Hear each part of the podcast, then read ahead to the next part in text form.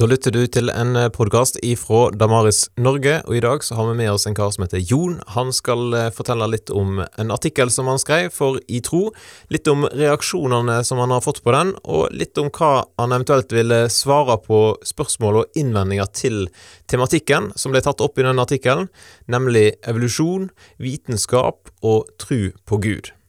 Håper da at du vil lytte til dette intervjuet. På slutten så får du òg en liten eh, kommentar ifra Lars Dale, han som er daglig leder for eh, Damaris Norge. Så jeg håper da at du holder ut til slutt, selv om dette her intervjuet det tar jo en liten stund, men eh, du får med deg masse bra, og så får du med deg da òg Lars til slutt. Men vi starter med Jon, og aller først så må du jo fortelle oss litt eh, om deg sjøl, Jon. Hvem er du egentlig? Ja, det kan jeg gjøre. Eh, jeg heter da som sagt Jon Romul Håvåsen. Eh, Rukker blitt 21 år gammel. Eh, holder til på eh, Gimlekollen i Kristiansand for øyeblikket. Bor i, bor i midt i Kristiansand. Tar tredje året med teologi på Ansgar teologiske høgskole. Og så jobber jeg for det meste i laget. Mye med skepsisukearbeid og mye apologetisk arbeid der. Og så litt for Damarvest-Norge innimellom. Og så er du òg interessert i fotball, mener jeg har fått med meg. At du er litt sånn fotballdommer?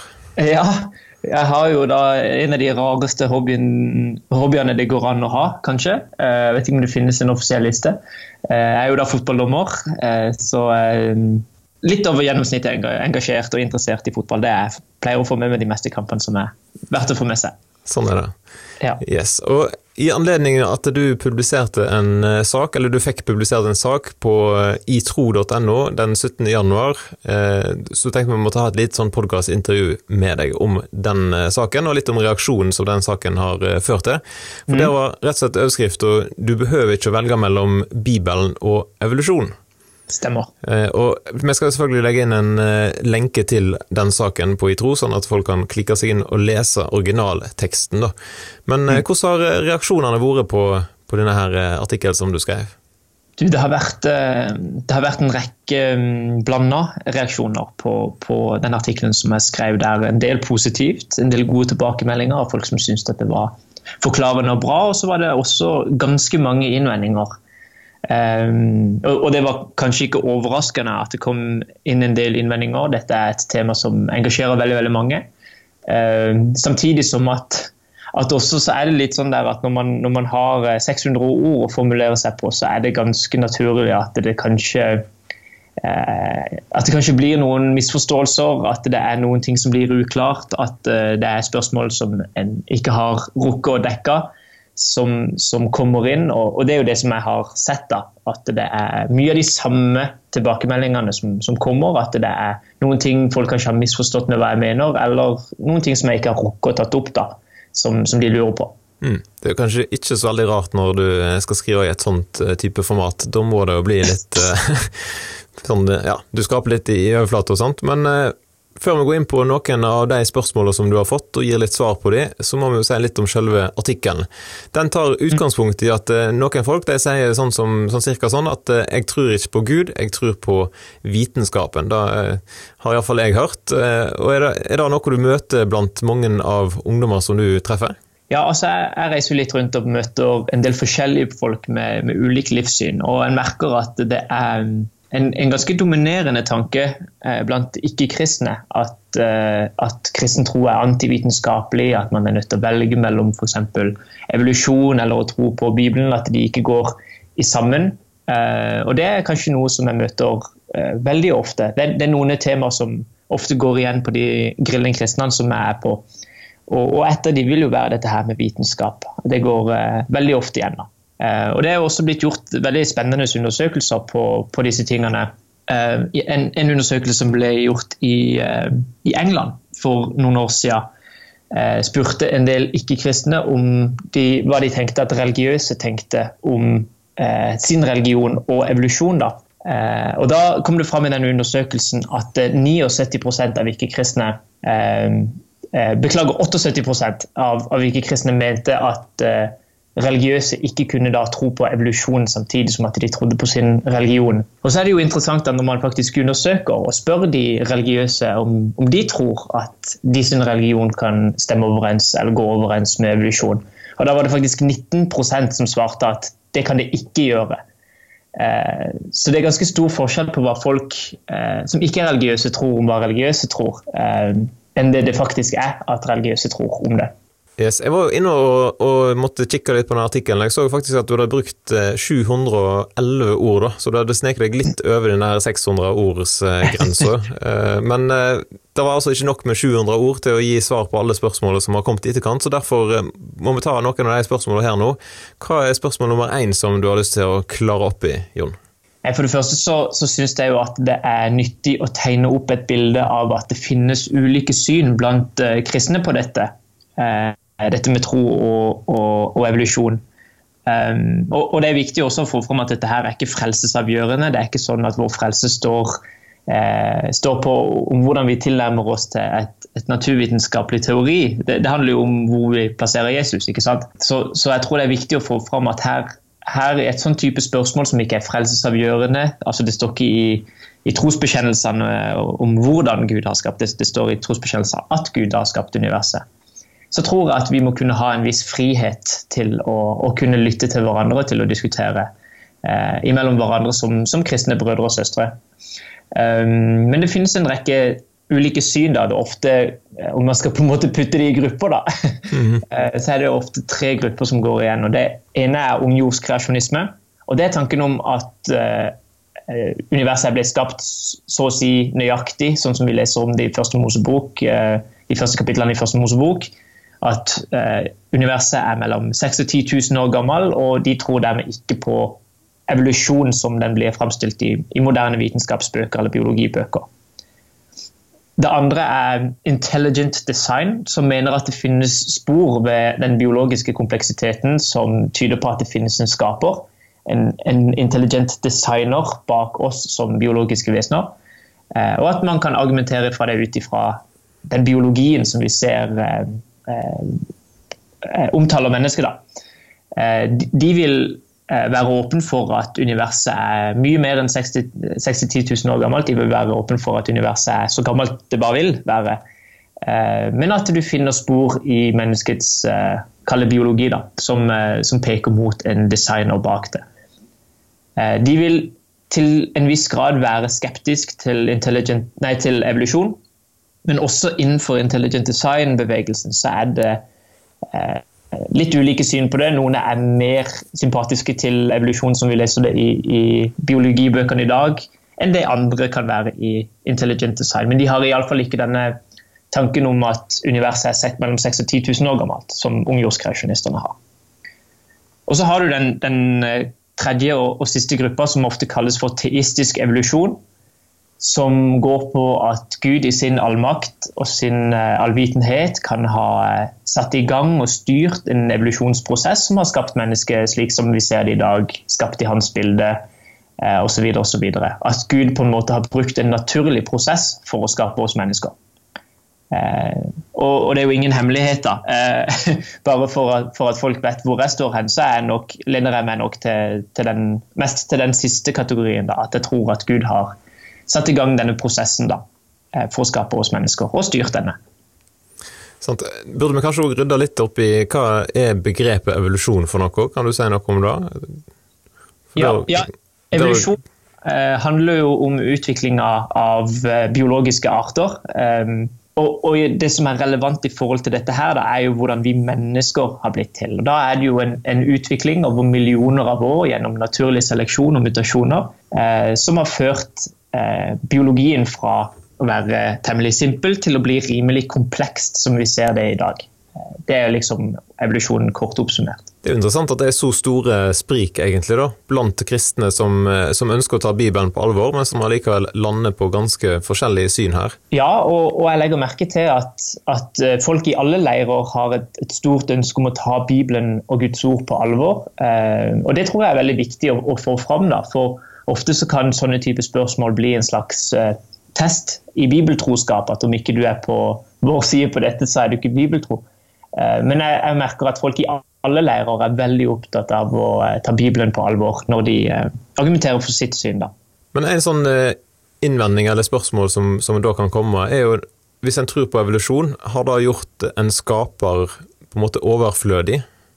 Hva svarer du på noe sånt? Ja, det er det mange som, som tenker. Og uh, det er ikke lenge siden uh, sist jeg var på besøk Jeg ble grilla, som det så fint heter, i, i Sogndal tidligere denne uka. Og, og da var det en som, som, som mente dette her, da. At, at vi, vi, trenger ikke å tro på en skaper i 2019. Vi har jo evolusjon. så det er noe som en, en ganske hyppig møter på. Og så vil jeg si at det at det har skjedd en prosess Eh, som har skapt oss mennesker. Ikke nødvendigvis betyr at det ikke kan stå en, en skaper bak. Um, jeg pleier noen ganger å si det. Min, familie har noen sånne perioder hvor de bare er sånn supersunne. De skal bare spise sunn mat og holde seg bort fra kaker og godteri og brus osv. Og, um, og, og alltid uh, Den første måneden i året så pleier de å ha sånn godtelov da, hvor de ikke kan ha kaker og godteri. De vil jo, de vil jo ha meg med hvert år på det. Det sier jeg glatt nei til.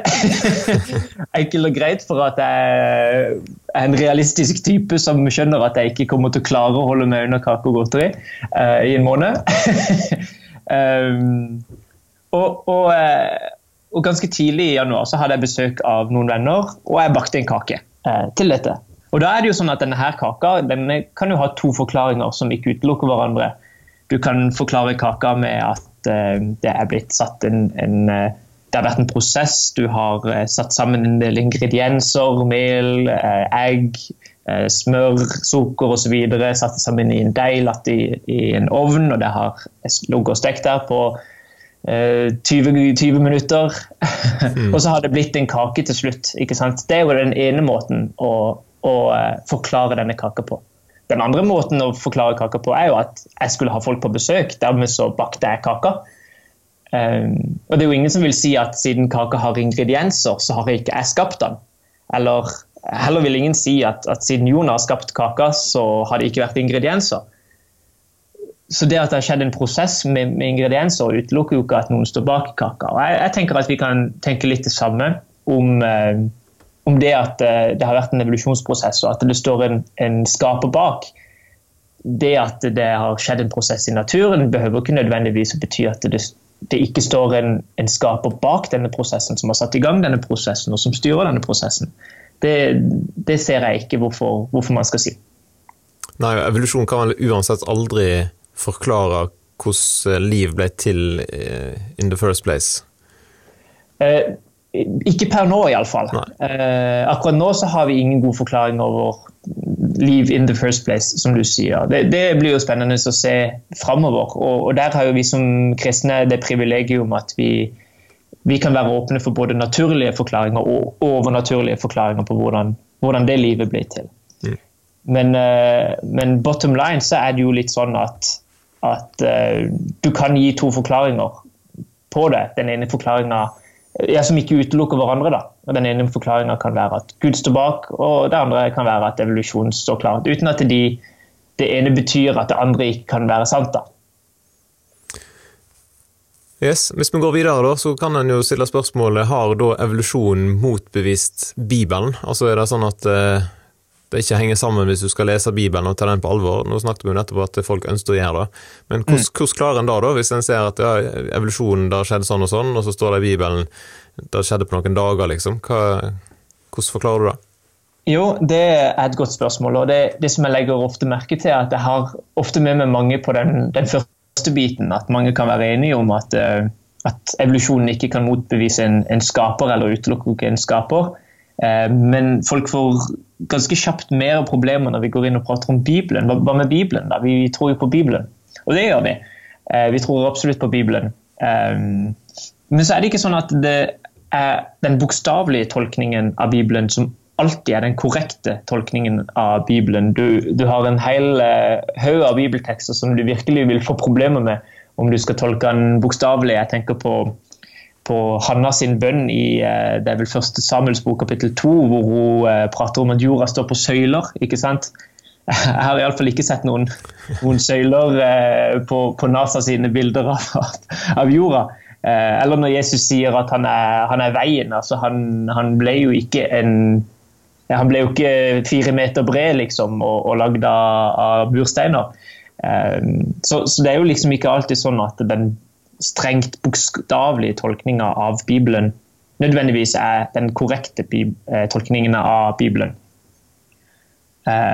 Og mange av de som jobber med, med disse bibeltekstene tidlig i første Mosebok, de kommer fram til at Bibelen på ingen måte er en, et naturvitenskapelig dokument som, som, ønsker å formidle i detalj om hvordan ting eh, ble til, men, men mer eh, en tekst som ønsker å formidle hvorfor ting blir til. Altså Det er det som er hovedbudskapet, hovedhensikten bak de tekstene.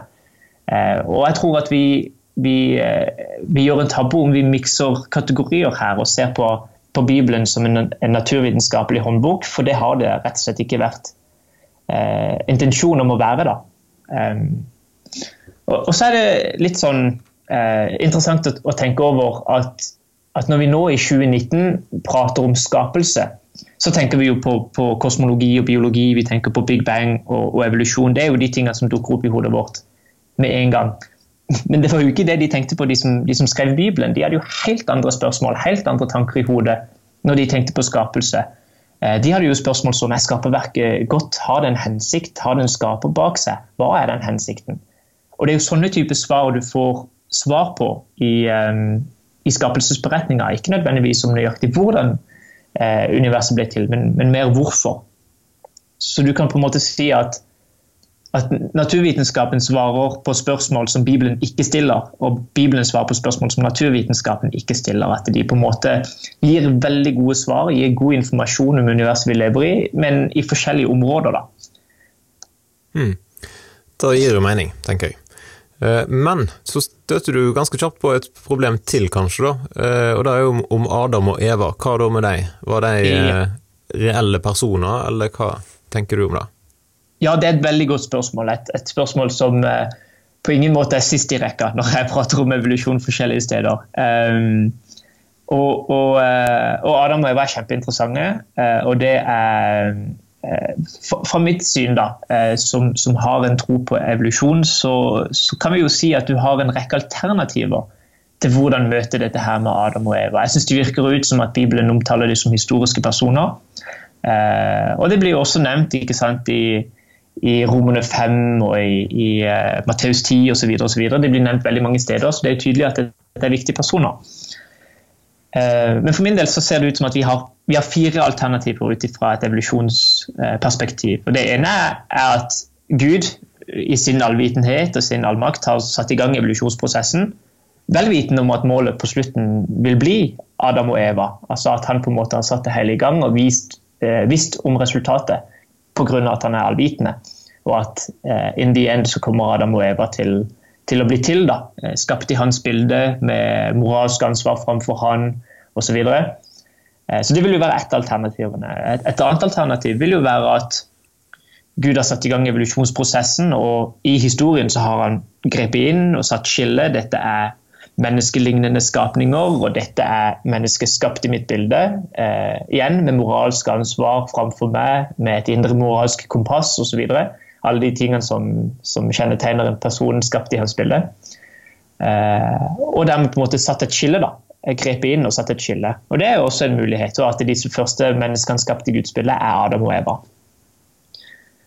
Eh, et, et, tredje alternativ vil jo være at Gud har satt i gang evolusjonsprosessen, og så i historien grepet inn og skapt Adam og Eva ut av intet. Eh, han er allmektig, han har mulighet til det. Um, og det vil også være et alternativ uh, til at Gud har skapt Adam og Eva. Uh, som, som, ikke er i konflikt med evolusjonsteorien.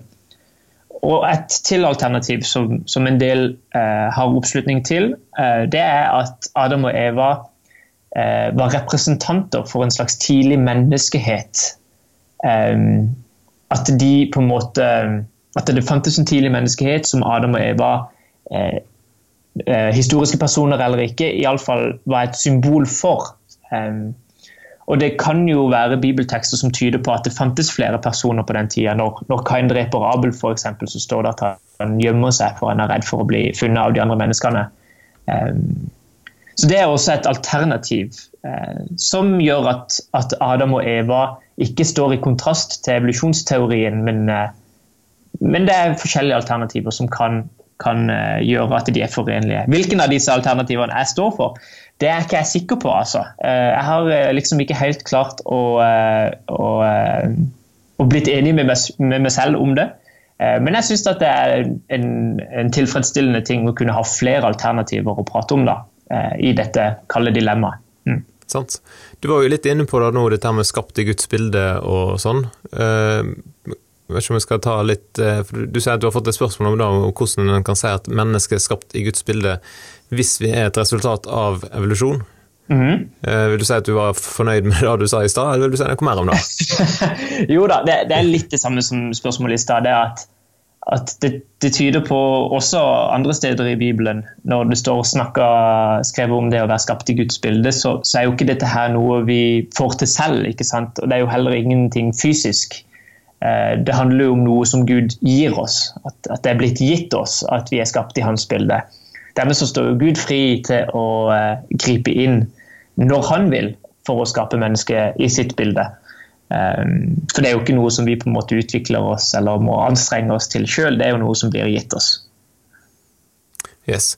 Men så er det et problem til, da, som jeg vet at folk har trukket fram. Og da er dette med all død og lidelse som da må ha skjedd før syndefallet, eh, er da forenlig med en god skapergud? For at det er sånn som en leser i Bibelen, sånn, så står det jo om at eh, skapelsen skjer, og Adam og Eva, og så kommer syndefallet.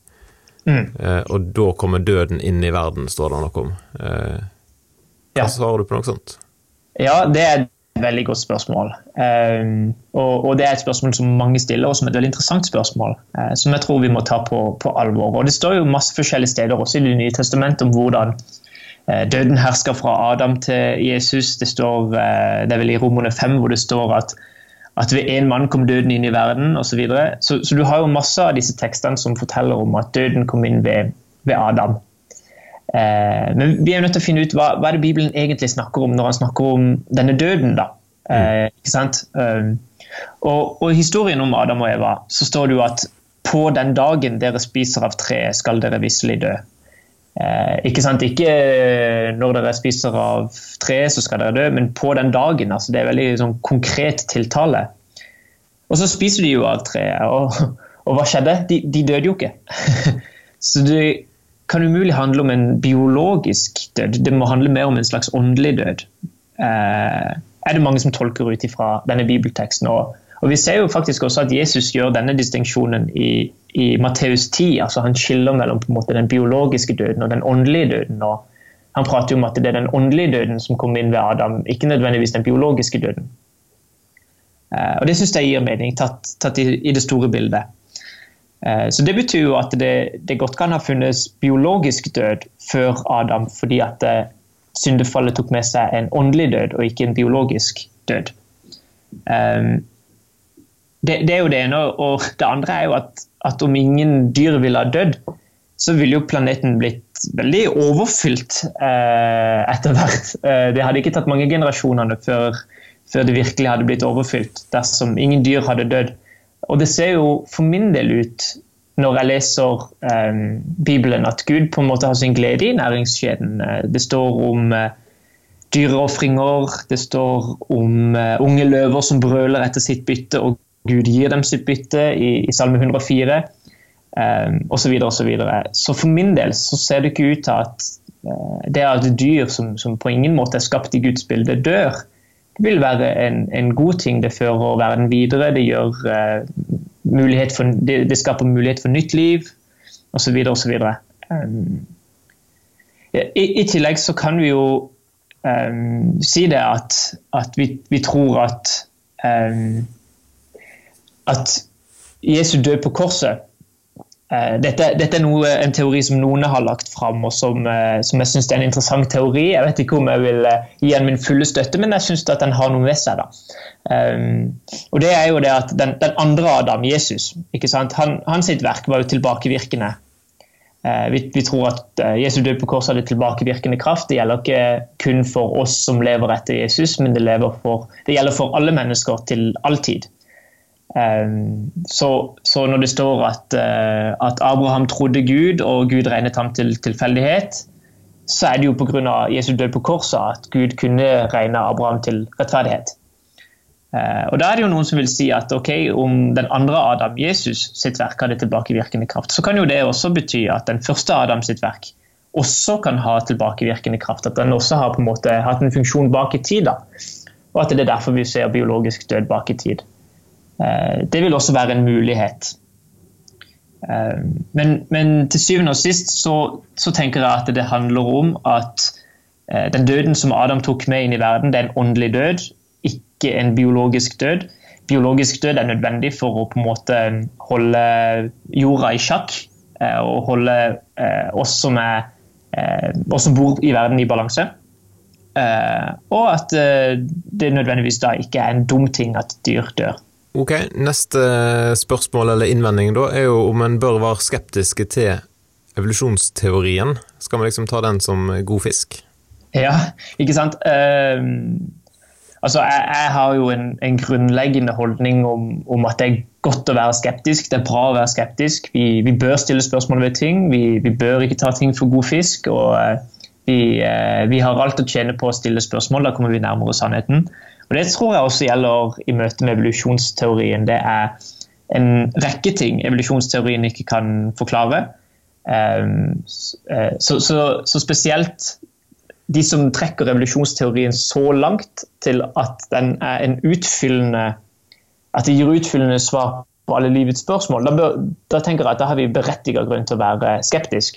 For det finnes jo en, en rekke ting som evolusjonen ikke kan forklare. altså Vår bevissthet Eh, kan evolusjonen ikke forklare vårt moralske kompass.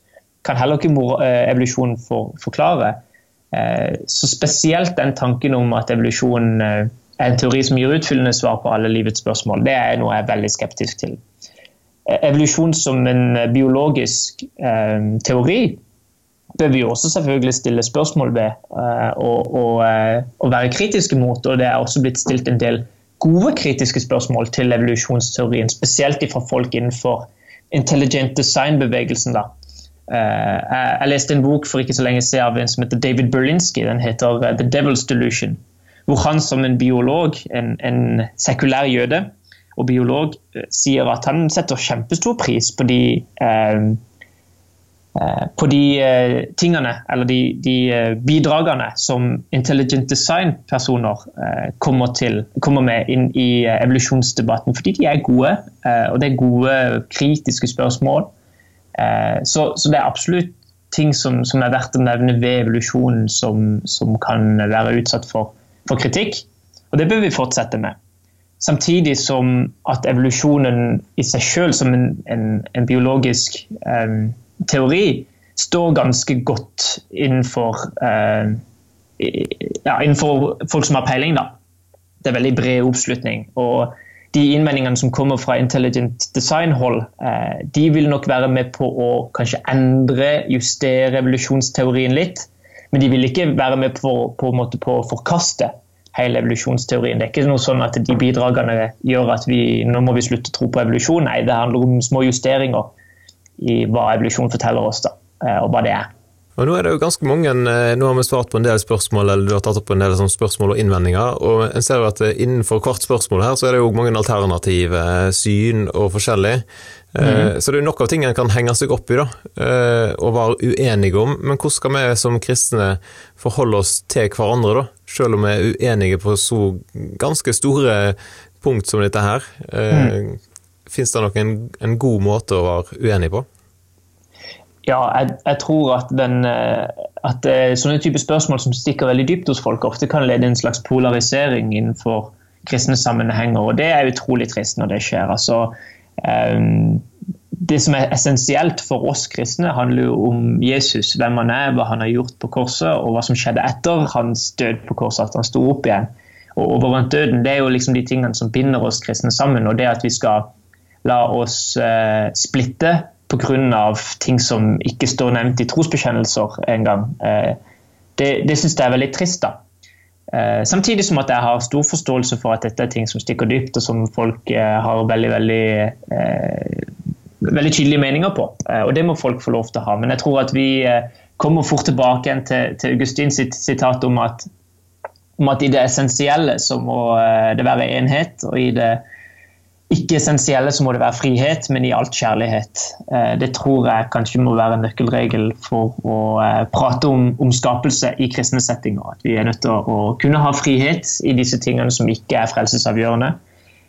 Men at i alle disse tingene så må vi ha kjærlighet til hverandre. Det, det tror jeg kanskje kan være nøkkelsetninga for, eh, for, denne diskusjonen. Og, og, Dette ser vi jo igjen og igjen i evangeliene. Jesus prater om enhet i den siste bønnen. Eh, han sier eh, la alle eh, at ved, ved, at dere har kjærlighet til hverandre, så skal alle mennesker vite at dere er mine disipler i, i Johannes 13. Så, så, jeg tenker at vi må kunne møte hverandre med, med, respekt og finne ut av hva det som virkelig betyr noe. Det er jo Jesus. Og så, så, skjønner jeg at folk har, har tydelige tanker om, om, evolusjon og om skapelse osv., men la oss ta det viktigste først. og La oss, la oss, binde, la oss bli bindet sammen av det, da, mm. tenker jeg. Mm. Høres veldig lurt ut. Uh, har du noen sånn tips til slutt, da? De som nå har hørt gjennom eh, hele denne lange podkastepisoden. uh, dette må de være litt interessert, så da kan det være at de er interessert i noen tips om bøker eller nettsider som tar denne tematikken et par hakk videre, da. Hvis de vil liksom grave, grave seg i dybden. For én ting er jo 600 ord i en artikkel eller en liten halvtime på en podkast, men her er det helt sikkert masse mer en kan, kan oh, ja, finne ut av det er, mye, det er mye, interessant som, som, man kan fordype seg i. Gratulerer til alle som har holdt, eh, holdt helt ut til nå. Ehm, det, det, første jeg vil si, det er at, eh, at, jeg vil oppfordre folk til å ikke, ikke la seg styre av det som jeg ofte føler blir en sånn slags test av bibeltroskap.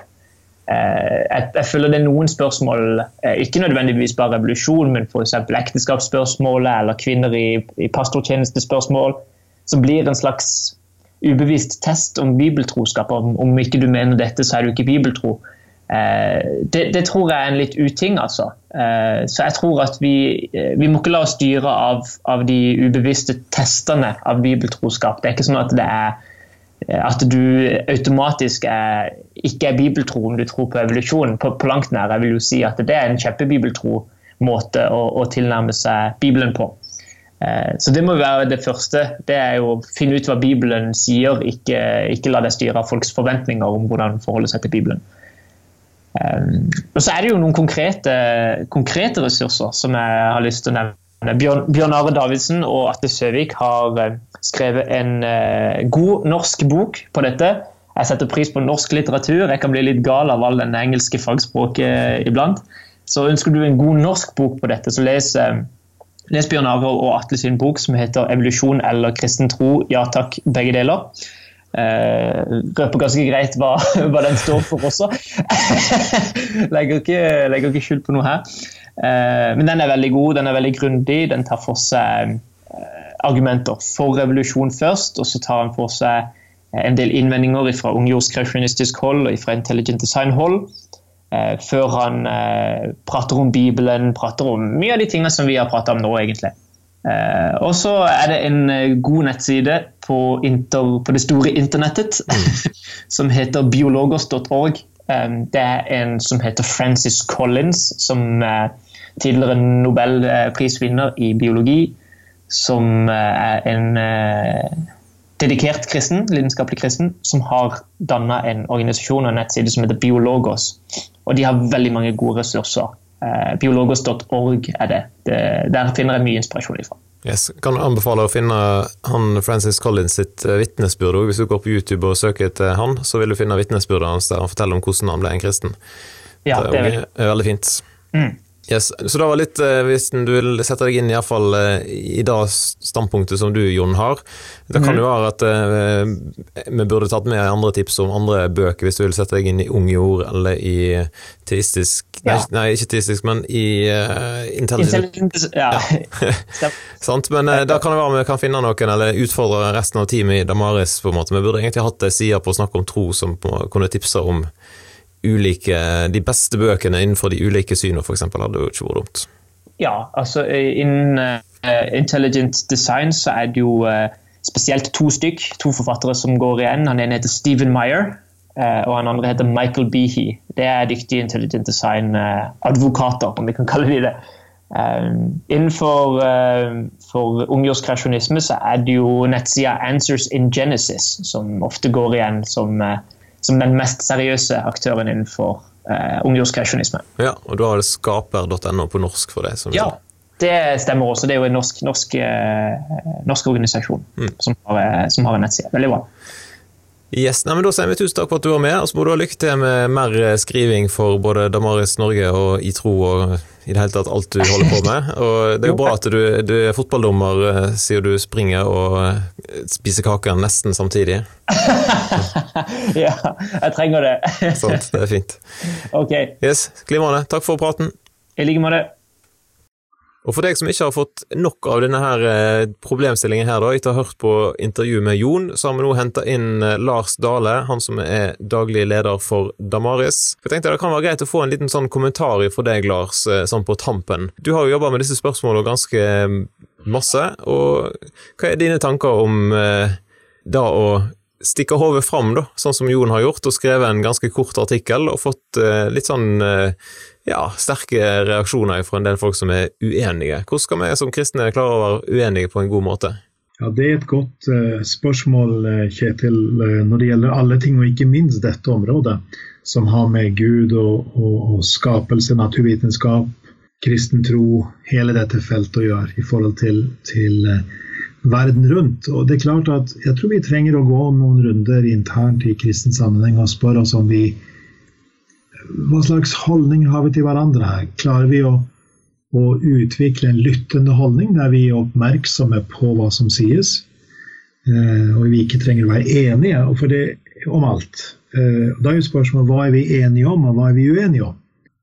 For det er klart at, at eh, det som er det veldig interessante her også, er å spørre midt i alt som en måtte være uenige om, hvis en ønsker å ta Bibelen på alvor som Guds ord til oss, Bibelen på alvor som, som autoritet. Hva er vi faktisk enige om på tvers av noen av disse synene? Ikke nødvendigvis alle synene, og det syns jeg mangler, Kjetil, i en del av det som, som sies.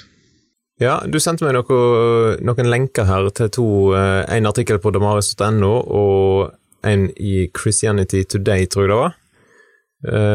Hva er det som er spesielt med det som eh, folk eventuelt kan gå inn og lese der? For vi legger jo inn de lenkene i, eh, i podkastbeskrivelsen.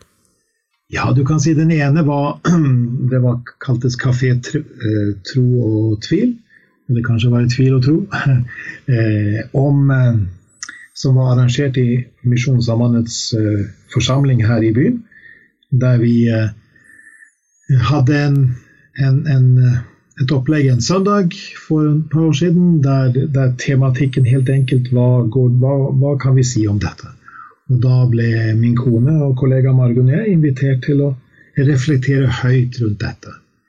Eh, og det var der, og da var vi særlig opptatt av å spørre hva, hva kan vi eh, vite om dette som vi er felles om, på tvers om. Og det andre som det vil være lenke til, det er da fra tidsskriftet som, eller magasinet kan vi si, som, som Billy Graham startet i, på 1950-tallet i USA, som heter Christianity Today.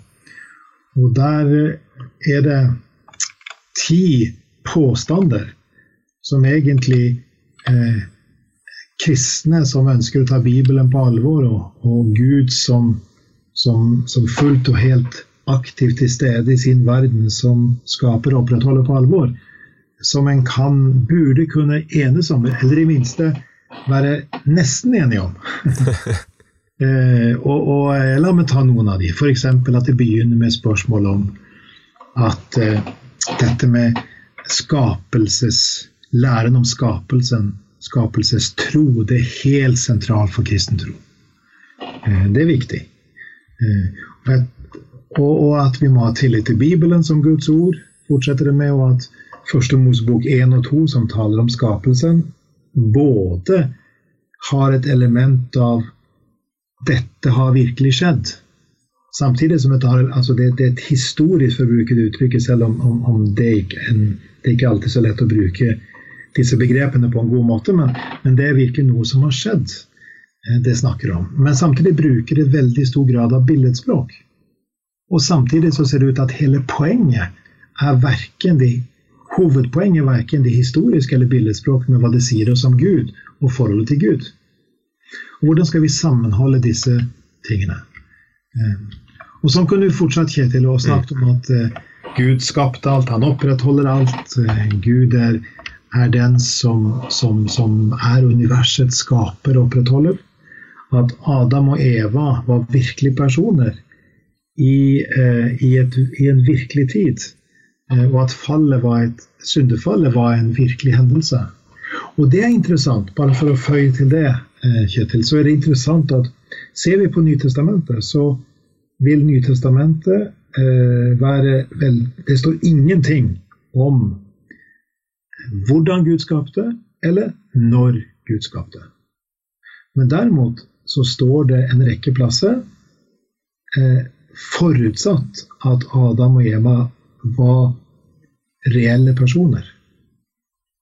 Så her møter vi en forskjell mellom synet på skapelsen og synet på, på syndefallet, hvis vi begynner i Nytestamentet og spør hva Nytestamentet kan lære oss om dette. Ja, så kan det være de som hører på podkasten at jeg lurer litt på hvordan landet har Damaris Norge på en måte et offisielt uh, syn her? Hva bås uh, skal Damaris Norge plasseres i? Er det sånn, Lars, at Damaris har noe i vedtektene sine om hva en tenker om uh, evolusjon og skapelse? Ja, det er et godt spørsmål. Eh, nei, vi har ikke det. Vi, vår, vårt læregrunnlag det er da eh, Lausanne-pakken og Cape Town-erklæringen. Eh, vil si at vi, vi knytter oss til, til, den globale evangeliske eller evangelikale kirke, eh, og hva en hevder og sier om, om det å være kristen.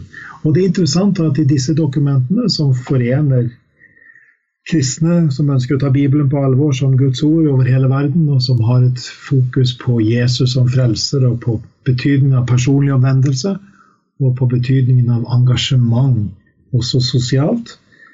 I disse dokumentene står det ingenting om et spesielt syn på skapelse eller syndefall, men det står at eh, en må ta Bibelens ord på alvor. Bibelen er fullt ut troverdig. Og Det betyr at, at eh, det vi vil spørre, er om, om folk eh, er villige til både å ha tillit til Bibelen, lytte til Bibelens sjanger, eh, lytte til sant, hva slags sjanger, hva slags type litteratur har vi her, eh, og ikke lese noe inn i tekstene, men eh, heller ikke trekke noe fra tekstene. Og så lytte til dagens eh, kunnskap. Eh, reformatorene snakket om at en hadde to bøker. Det skrevne Gud har to bøker. Skrev, den skrevne boka, Bibelen, og den uskrevne boka, naturen. Og de to prinsipielt Altså på det grunnleggende planet så, så, så er det ingen motsigelse mellom disse. Enten forstår vi Bibelen feil, eller så forstår vi naturen feil. Eh, og kanskje er det sånn at vi trenger å lytte nøyere til hva begge deler sier, for å forstå bedre. Så, så dette var et litt langt svar på et godt spørsmål. Eh, poenget er at vi har ikke noen eh, offisiell linje, men vi vil være opptatt av tillit til Bibelen og lytting til andre kristne. Hvordan en forholder seg til Bibelen, hvordan en forholder seg til uenigheten. Og at en har evne til å se at det aller viktigste spørsmålet her, det er finnes Gud, eller finnes han ikke? Ehm, det er spørsmålet om teisme kontra ateisme som det første spørsmålet. Mm. Ehm, og det er ikke sånn at vi, vi skal forvente at folk eh, skal akseptere eller adoptere et spesielt syn på dette før en blir en kristen. Dette er en del av å utforske eh, Bibelens virkelighet og verden Eh, i tillit til Gud og til, til Hans ånd som har talt gjennom dette. Så her er det i høyeste grad eh, viktig at vi lytter til hverandre. Og så vil hver enkelt av oss ha våre oppfatninger og våre ståsteder. Jeg syns det er flott at unge medarbeidere som Jo og andre engasjerer seg i dette, skaffer seg mye kunnskap av dette, står i fronten på mange måter i forhold til det å å, å, å lytte til spørsmål folk har, både innenfor kristen sammenheng og utenfor. Og så er villig til å også ha lyttende holdning til folk som er uenige og har kritikk, for det opplever jeg at de har. Så det er fint. Hva gjør vi i Damaris Norge nå framover, da, for å ta tak i disse tingene her, eller for å legge til rette for en dialog og at vi lytter til hverandre? Ja, jeg vil nevne to-tre viktige ting. Det ene er at vi hadde jo privilegiet å ha John Lennox, Oxford-matematikeren og bibellæreren og apologeten, på besøk i Veritas-konferansen siste år. Og eh, det foreligger to bøker av ham om eh, Første Mosebok og naturvitenskap. Eh, syv dager, og heter den boka. og den andre boka heter Guds undergang? spørsmålstegn. Altså synet på forholdet mellom kristen tro og naturvitenskap.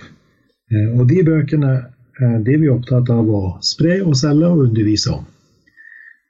Så er det eh, andre å si at vi har eh, begynt eh, å jobbe med en lansering som er litt over tid, med noe som også ble ferdig i, i høst, nemlig serien Eller vi kalte 'Finnes Gud'. Som er da en, en Gud og vitenskapen som gikk på NRK1 og 2 i undervisningsversjon, som ligger på finnesgud.no, nettsida vår. Eh, det er en fantastisk eh, ressurs på seks halvtimesprogram som gir hjelp til å forstå debatten. Eh, hva vet naturvitenskapen i dag om universet, om livets utvikling og om menneskets tankebevissthet? Og hvordan fortolkes det ut fra ulike livssyn?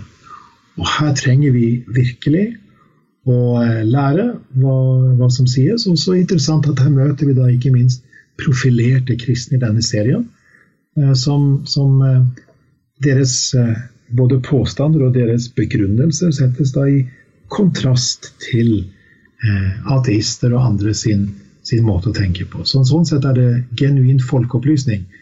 Hva mener folk? Hva står de for? Hvordan argumenterer de for dette? Og så har vi jo masse ressurser på å snakke om tro om dette, og vi ønsker da å inkludere forskjellige perspektiver, forutsatt at en har en holdning der en åpner for at ens eget syn ikke er det eneste riktige.